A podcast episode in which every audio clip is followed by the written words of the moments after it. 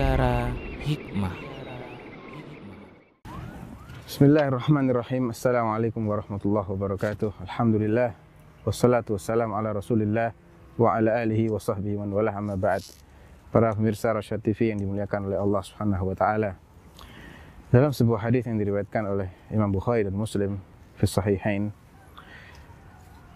diceritakan bahwa ketika Nabi Shallallahu alaihi wasallam mengutus dua orang sahabatnya yaitu Abu Musa al-Asy'ari yang nama aslinya adalah Abdullah bin Qais dan sahabat Muadz bin Muadz bin Jabal radhiyallahu taala anhuma ke negeri Yaman untuk berdakwah mendakwakan Islam di sana maka di tengah perjalanan terjadi diskusi ringan di antara mereka Uh, pertama, Abu Musa bertanya kepada Mu'ad, Ya Mu'ad, kaifa taqra'ul Qur'an?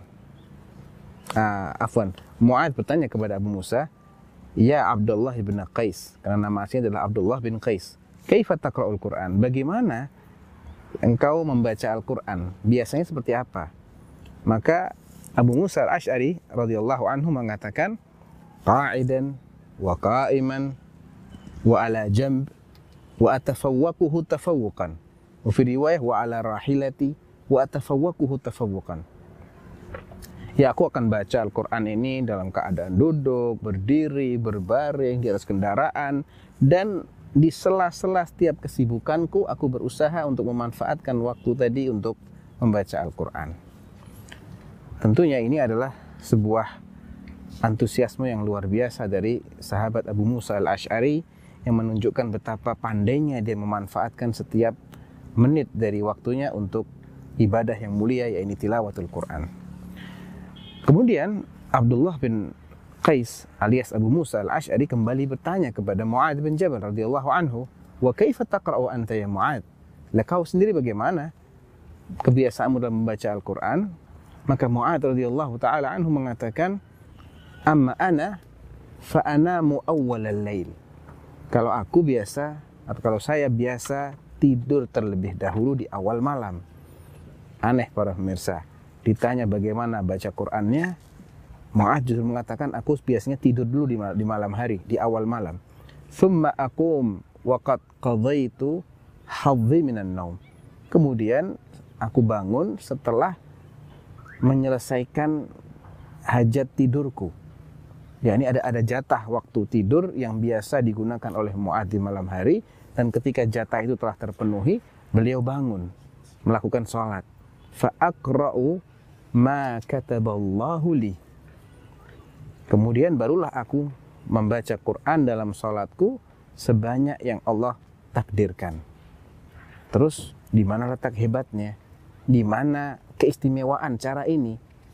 Jawabnya adalah di bagian terakhir fa'ahtasibu naumati kama ahtasibu qaumati akan tetapi aku senantiasa ihtisabul ajar mengharapkan pahala melalui tidurku sebagaimana aku mengharapkan pahala melalui qiyamul lailku jadi para pemirsa yang dirahmati oleh Allah inti dari bagaimana kita bisa menjadikan kebiasaan kita aktivitas sehari-hari kita agar bernilai ibadah adalah pada niat, pada ihtisabul ajar.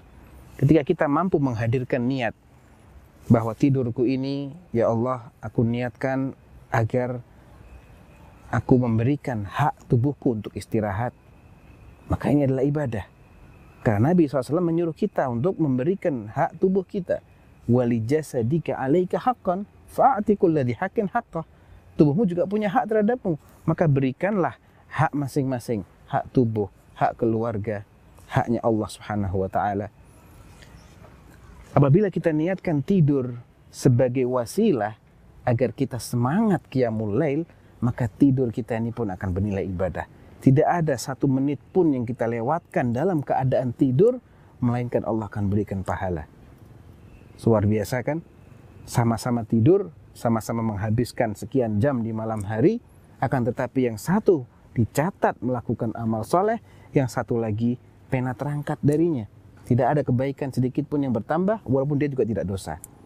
Ini menunjukkan pentingnya seseorang ihtisabul ajar, alias mengharapkan pahala dari Allah Subhanahu wa taala. Sehingga para ulama mengatakan al muwaffaq man sarat adatuhu ibadatan wal mahrum man sarat ibadatuhu adatan. Seorang yang mendapatkan taufik adalah orang yang kebiasaan sehari-harinya bernilai ibadah. Sedangkan orang yang terluput dari kebaikan, yang rugi adalah orang yang ibadah sehari-harinya dianggap sebagai kebiasaan. Dan itu karena tidak adanya ihtisabul ajar. Istihdharun niyah dengan ihtisabul ajar. Menghadirkan niat yang baik dalam setiap aktivitas kita dan mengharap pahala itu akan menjadikan setiap aktivitas kita yang sifatnya kebiasaan sehari-hari menjadi bernilai ibadah. Kita bisa terapkan ini dalam tidur kita, dalam makan kita. Untuk apa kita makan? Sekedar ingin mengganjal rasa lapar, tidak ada pahala, tidak ada dosa. Namun kita makan dengan niat memberikan hak tubuh kita untuk mendapatkan nutrisi, maka Anda mendapatkan pahala. Kita makan dengan niat mencari kekuatan untuk beribadah, kita akan dapat pahala. Untuk apa kita bercanda dengan anak istri? Sekedar bercanda sebagaimana kebutuhan manusia biasa, tidak ada dosa, tidak ada pahala. Namun kita bercanda dalam rangka memasukkan, menggembirakan sesama muslim, maka ini adalah ibadah yang agung. Di antara yang dicintai oleh Allah adalah idkhalus surur fi qalbil muslim. Membahagiakan hati seorang muslim. Kita bercanda dalam rangka menerapkan sunnah Rasulullah SAW yang suka mencandai anak-anak, suka bercanda dengan istrinya, kita dapat pahala. Oleh karena itu, istihdharun niyah dan ihtisabul ajar sangat penting pengaruhnya dalam merubah kebiasaan menjadi ibadah yang bernilai pahala di sisi Allah Subhanahu wa taala. Mudah-mudahan ini dapat mencerahkan kita, memberi kita inspirasi untuk pandai-pandai menghadirkan niat dan semoga tausiah ini bermanfaat untuk kita semua. Wallahu taala alam. Wassallallahu ala nabiyyina Muhammadin wa ala alihi wa sahbihi wasallam.